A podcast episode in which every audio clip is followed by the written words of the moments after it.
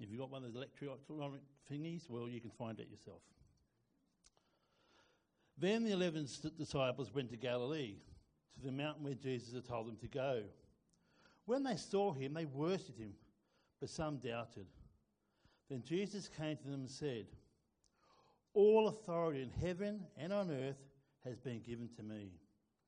Therefore, go and make disciples of all nations, baptizing them in the name of the Father, and of the Son, and of the Holy Spirit, and teaching them to obey everything that I have commanded you.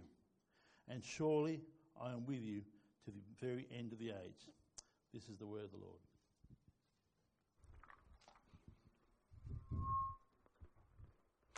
Thanks, Roy. I'm going to move these over. I'm going to get very acquainted with my buddy in the front row. Good on you. I'm going to come right up here. Excellent. It's great when youth are in church. Let me say that, and I'm not saying that because I've got someone here in the front row. Um, it is great that they're in church because this is um, often the first chance they get to do big church. Um, and they're likely to be in big church for a long time afterwards. So good on you, mate. I've, if I can keep you awake and focused the whole time, then I think I've got a hope for those people out there. Um, we live in a time that is more connected and at the same time lonelier than any other time in human history. We have more Facebook friends, we have better connections, we've got the ability to network far and wide. We've got contacts everywhere and less and less friends. A survey was done recently in the United States using the famous UCLA loneliness scale. We're all aware of the UCLA loneliness scale, right? We're all, we're all, it's between 20 and 80. It's a weird scale. Um, between 20 and 80, and anything above 43 is considered lonely. Uh, the biggest study of its kind was done in the US recently, and the average score of some 20,000 people was 44. The average American, greater than 50% of Americans right now, would consider themselves lonely. 54% of people said they don't feel like anyone really knows them. 56% of people said they're surrounded by people and yet they don't feel like anyone's there for them.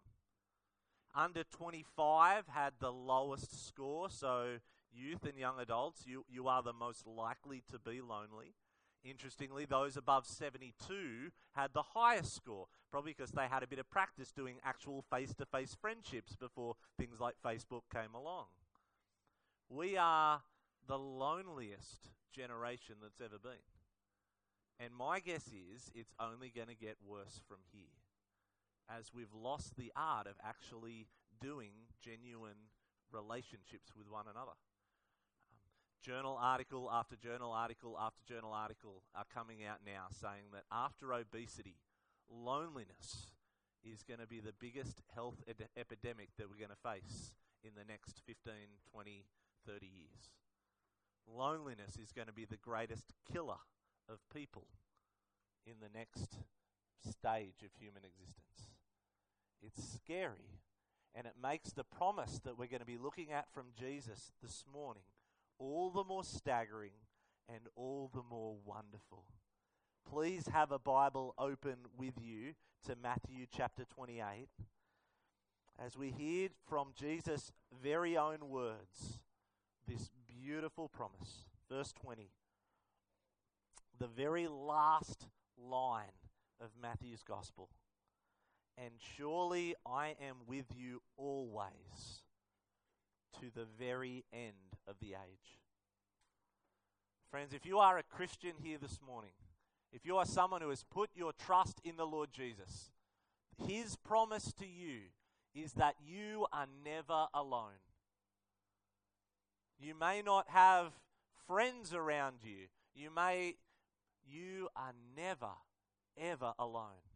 Because Jesus' promise to you is no matter where you go, no matter what you do, he will always be with you. It is a staggering promise.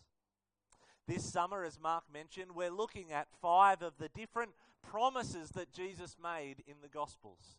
Promises we, we all know promises, don't we? We've all made promises, we've all kept promises, we've all broken promises, and at this time of the year, we're likely to break plenty more. Um, my promise to myself this new, this uh, new year is that I'm going to drastically cut down my soft drink intake. Um, I've had so much soft drink between Christmas and now, only because it's been in the house, really. I'm doing a service to my kids and I, am having so much of it now, knowing that uh, I'm, I'm trying to put it away. Um, I don't know how long I'm going to last in my promise to myself. I'm going to stonewall knuckle it. I'm, I'm going to be. I'm going to have massive headaches for the first week. I just know it. My promise doesn't mean much. The next level up, I think of maybe perhaps the promise that my wife made me some 10 years ago. She promised to love me to the exclusion of all others, for better or for worse. And she's had plenty of worse being married to me. She made those, for us. and they mean a lot. They're a lot bigger than the New Year's, New Year's resolution kind of promises. She's promised to love me through thick and thin. That is a promise that we have both managed to keep and that we're going to continue striving to keep. But even that has nothing on the promises of Jesus. Why? Well, actually, I think we find it in this very first sermon of the series. Um, now, I think you guys, we have changed the order and we're changing the preachers and we're all moving around a little bit to you know, use our resources well over January. But I'm telling you guys, this is the best sermon to have first week of the series. Now, of course, Jeff's going to say that at Riverstone this morning, and Josh is going to say that at Riverstone. But I really mean it. This is the best place to start because the whole thing that we're tying this series on is it's because who Jesus is that we can we can hang on to what he says. It's because of who Jesus is that we can trust what he says. And we get all of that in four verses this morning. Let's pick it up in verse 16. It's because of who Jesus is that we can trust what he says. It's not because of who I am that you can trust what you hear this morning, which is why it's really good to have your Bible open in front of you. It's because of who Jesus is. The eleven disciples went to Galilee to the mountain where Jesus had told them to go. When they saw him, they worshipped him, but some doubted. The fact that they doubted the risen Lord Jesus right in front of them gives me hope because there are times where I doubt. There are times when people I know doubt. That is a really positive sign. Then Jesus said to Jesus came to them and said, "All authority in heaven and on earth has been given to me." That is a massive claim. All authority in heaven and on earth has been given to Jesus. If I'm going to hang on to anyone's promises, that's whose promises I'm going to hang on to. That is the kind of person who is able to make promises and keep promises.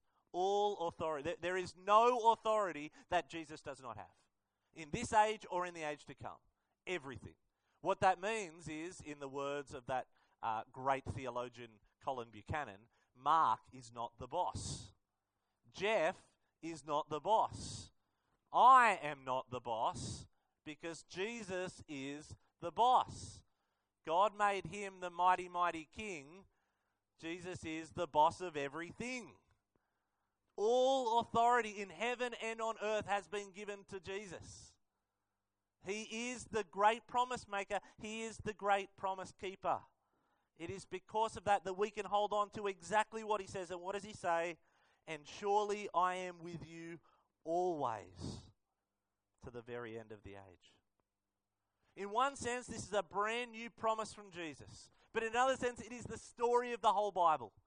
Adam and Eve, they begin in the garden in the very presence of God. God was with them. He walked with them in the heat of the day. I assume it wasn't this crazy heat. I assume it was a nice, comfortable, air conditioned kind of, naturally air conditioned kind of heat. God walked with them. He was with them.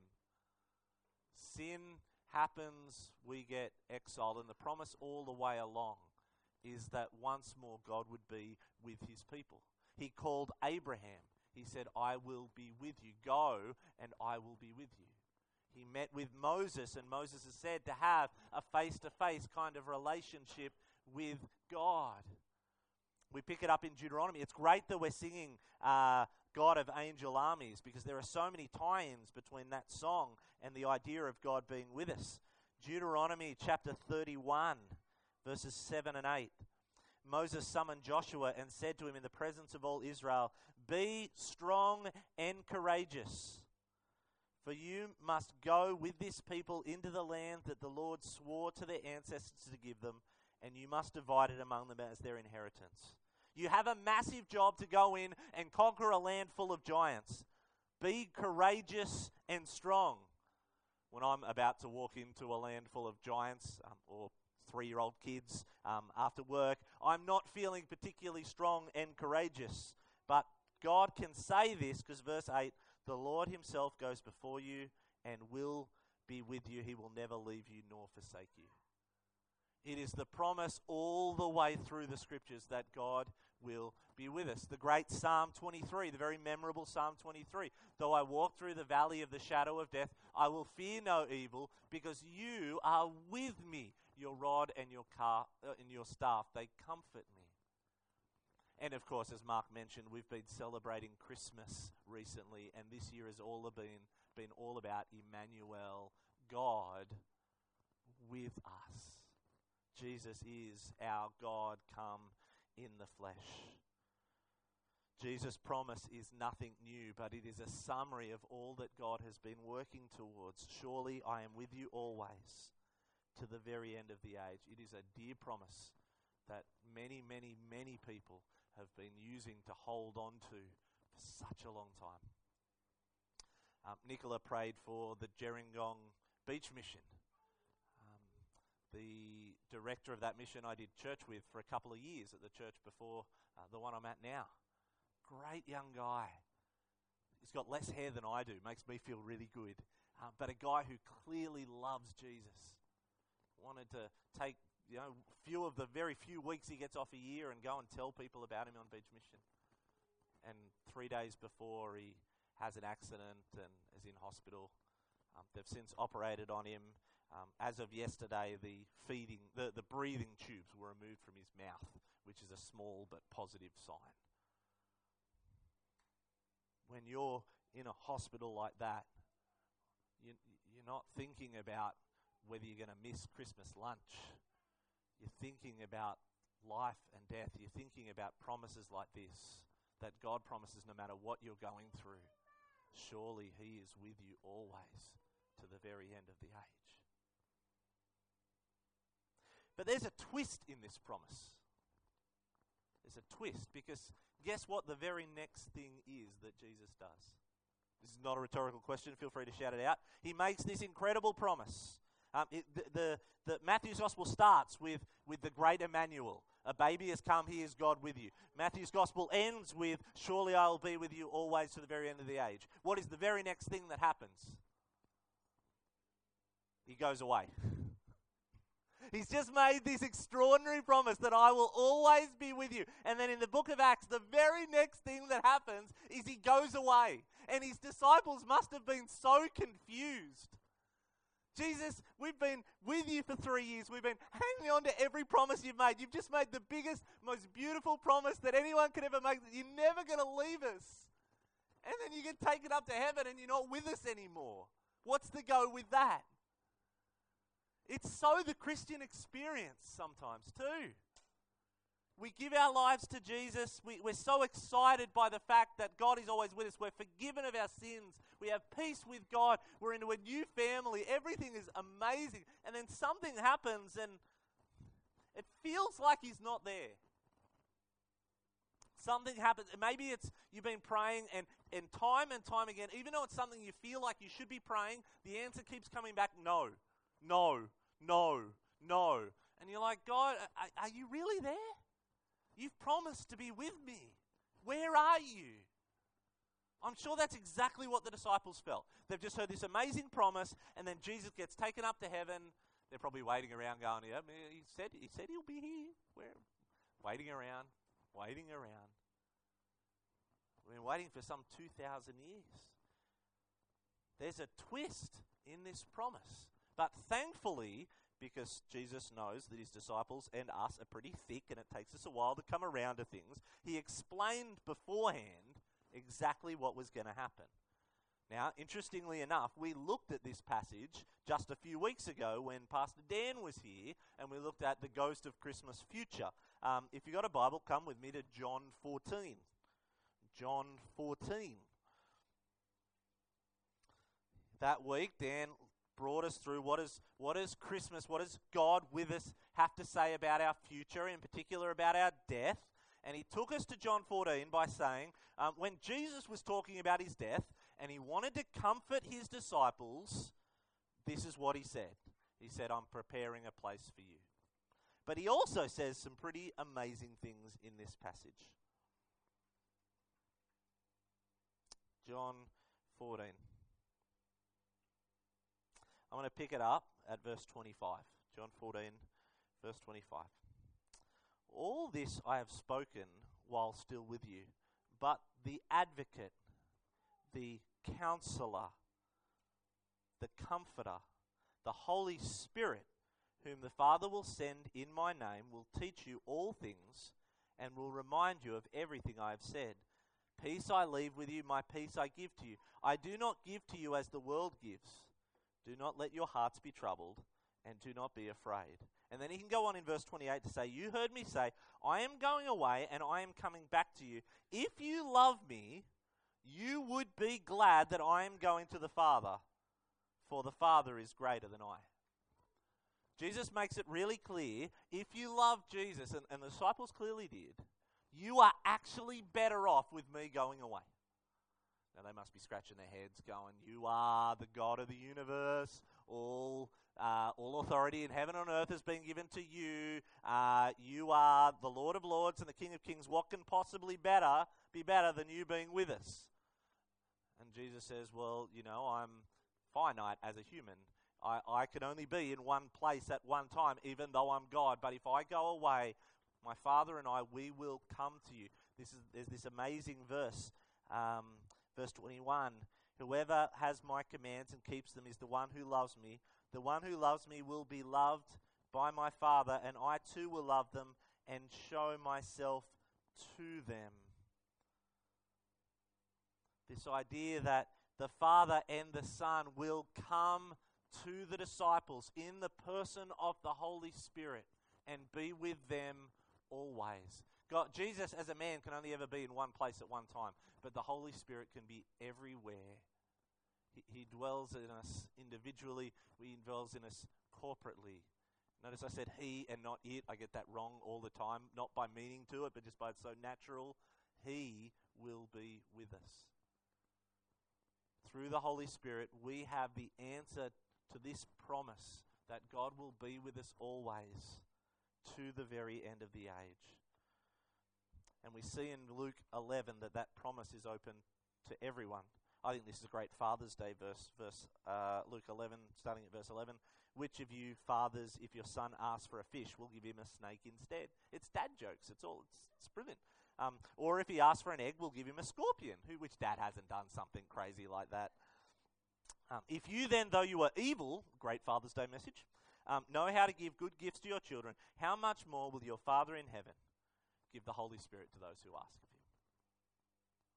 Jesus makes it really clear that the Holy Spirit is open to everyone if only we would ask. If only we would fall to our knees and say, We are unworthy. Jesus is Lord. I need you to be with me. And that promise that surely I'm with you always to the very end of the age is available to each and every one of us. If you're lonely, exhausted, tired. Jesus' promises He is just a prayer away. What difference does that make? What would it mean if we truly believed that through the, the presence of the Holy Spirit, the presence of the Spirit of God, the Father, and the Son living inside of us, what difference would it make if we truly believe that? Three really quick applications. Um, just because there's teenagers and dads in the audience, they all begin with C. Um, what difference would it make? It would bring comfort through the truth. It would make a difference that it would bring comfort through the truth. The role of the Holy Spirit as, as counselor, as advocate, we read in John 16 that the role is to bring the truth to life in us by reminding us, by convicting us of who Jesus is and what he's done. Because we all know the difference between knowing something here and knowing something here. Now, I don't know if physiologically anatomically that's actually right, but you know what I mean. We all, we all know the difference between knowing something and experiencing and living something. I can know all about the promises that we're going to learn about this series. I can have memorized them, I can know them back to front, I can know them in context, I can academically know every one of these promises and have no clue what they actually mean. They can make absolutely no difference to my life, and the same can be true of you. You, you can have a doctorate in theology and know the Bible back to front and, and still be clueless in terms of what it means to live a life at peace. It's the role of the Holy Spirit to take the truths that we hear about in the scriptures and actually apply it to our lives, actually gain comfort from them. I, I think music is a great gift that the Holy Spirit uses. Music is a great way of helping us to feel facts.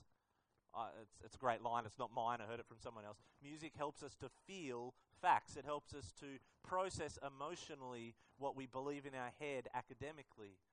Uh, that is the role of the Holy. That's that's what the Holy Spirit does. It takes the truth and it makes it real to us.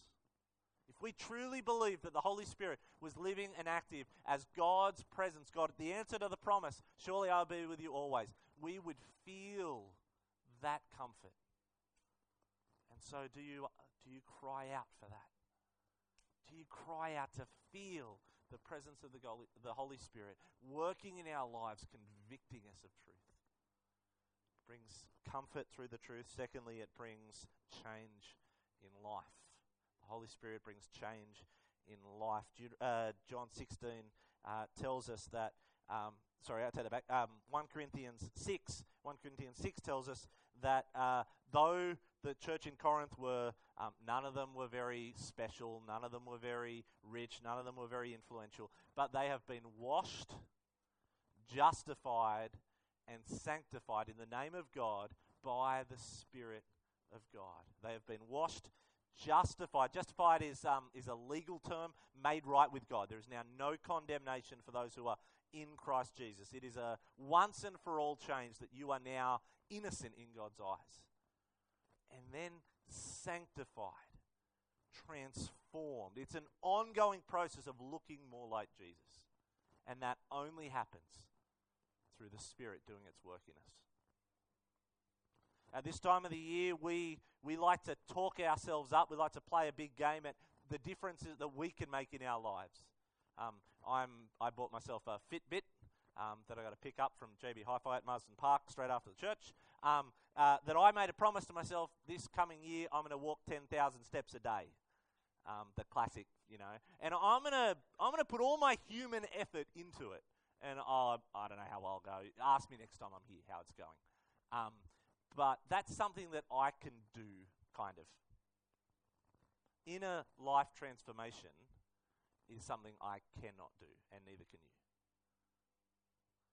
Fruit of the Spirit is love, joy, peace, patience, kindness, goodness, and faithfulness. The fruit of the Spirit is love, joy, peace, gentleness, and self control, for anyone who knows from the Collins song. Those things I cannot white knuckle and grow in in any way. I cannot grow myself in love. I cannot grow myself in gentleness and self control and peace and patience. I just can't do it. It's not my job. I have no ability to do it. That is the work of the Spirit in me. It is the Spirit's job to transform people from the inside out.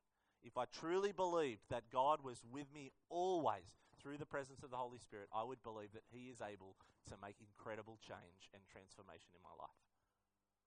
I would trust that He is true to His promises and that He wants to make me more and more like Jesus.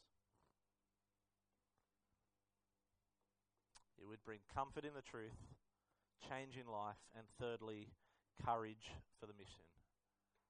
Courage for the mission. Um, this isn't a vision sermon, but if it was, I would probably go to Matthew 28 because we see our three big purpose statements as a church in Matthew 28. The disciples are all gathered on a mountain. They're, they're celebrating, they're worshiping, they're fellowshipping together, celebrating life in Jesus. That's where we get that from. God, uh, Jesus tells them to go into all the nations and make disciples of all peoples. We're on about connecting people to Jesus. And then he says, baptize them and teach them all that I have commanded you, cultivating faith in Jesus. Our three C's all find themselves in this one passage. But it's an impossible job, is it not? It is impossible to think that we can go into all of Marsden Park and make disciples. Sometimes it feels impossible that I actually go over and chat to my next door neighbor and talk to them about Jesus. If I can't look over the fence and tell my next door neighbor about Jesus in my own strength, what hope have I got of going into all the world? But I've got to remember, it's, it, it's not about me and the strength that I have. When Jesus gave his disciples the greatest mission in all the world, the Great Commission, to go everywhere and make disciples, he gave them that commission with the promise that surely I will be with you always. And he says it to you too. You might be afraid to go and talk to your next door neighbor, but Jesus is with you. You, you might think this mission is way too big, I just can't do it, but Jesus is with you. He will be with you always. In Luke 11 11, he actually said to his disciples before he went away, Where two or three are gathered in my name, surely I am there with you. Um, and they would have taken great heart from that. But now he's saying, not just when you gather, when you go, I will be with you. It doesn't matter if things are going really well or if everything's falling apart. Surely I am with you always to the very end of the age. It brings comfort, brings change, it brings courage. And it makes an enormous difference in life. To conclude, let me tell you this, uh, a story about one man who took this to heart. Um, hands up if you're familiar with David Livingstone. Anyone familiar with David Livingstone? All the young people in the crowd are like. David Livingstone was a missionary doctor in Africa for 32 years. He saw parts of Africa that no white man had ever seen before. An amazing guy. If you get a chance to pick up a biography of David Livingstone, I fully encourage you to do that. After 32 years in Africa, he came back and he was given an honorary doctorate at the University of Edinburgh. Um, and there's a thing about what happens when you receive an honorary doctorate from the University of Edinburgh that's different to any other university. Um, before they do the big public kind of, hey, everybody, this is exciting, isn't this person great, we want to honor them, before that happens, they make that person walk the gauntlet through a whole bunch of people who are currently at that university actually studying for their degree so that they can heckle you because you get it for nothing when they're doing all this work. Um, and so that person who's getting a degree honorarily, having done no study, um, has to walk through and be heckled by everybody who's there actually working for their degree. It's great. I like it. Bring it on. Um, David Livingstone came in. He had his arm laying limply by his side because his shoulder was ripped by a lion. He was looking every, every day of the age that he was. And for the first time ever in a ceremony like this, no one said a word. There wasn't a single bit of heckling. Such was the respect for this man. And they wanted him to say a few words. This is what he said, or this is part of what he said. Shall I tell you what supported me through all these years of exile? among a people whose language I could not understand and whose attitude toward me was always uncertain and often hostile. Shall I tell you what supported me through all these years? It was this Lo, I am with you always, even to the end of the world. This verse, this promise, is what sent David Livingstone into Africa that's what held him together while he was there. But it's not just David Livingstone, is it? Because if you're a Christian, this is your story too. that no matter what you're going through, no matter how lonely you are, no matter how many New Year's resolutions you break in the first 24 hours, we can be absolutely certain that Jesus is with us always to the very end of the age. Let me pray. Heavenly Father, we thank you that because of who Jesus is, we can trust what he says. And thank you for this extraordinary promise that you will be with us always to the very end of the age. In the good times, in the bad, when we feel it and when we don't. Would your Holy Spirit be at work in us, comforting us, changing us, and giving us great courage that we might truly believe this and that that might sustain us and grow us in the year ahead. In Jesus' name we pray.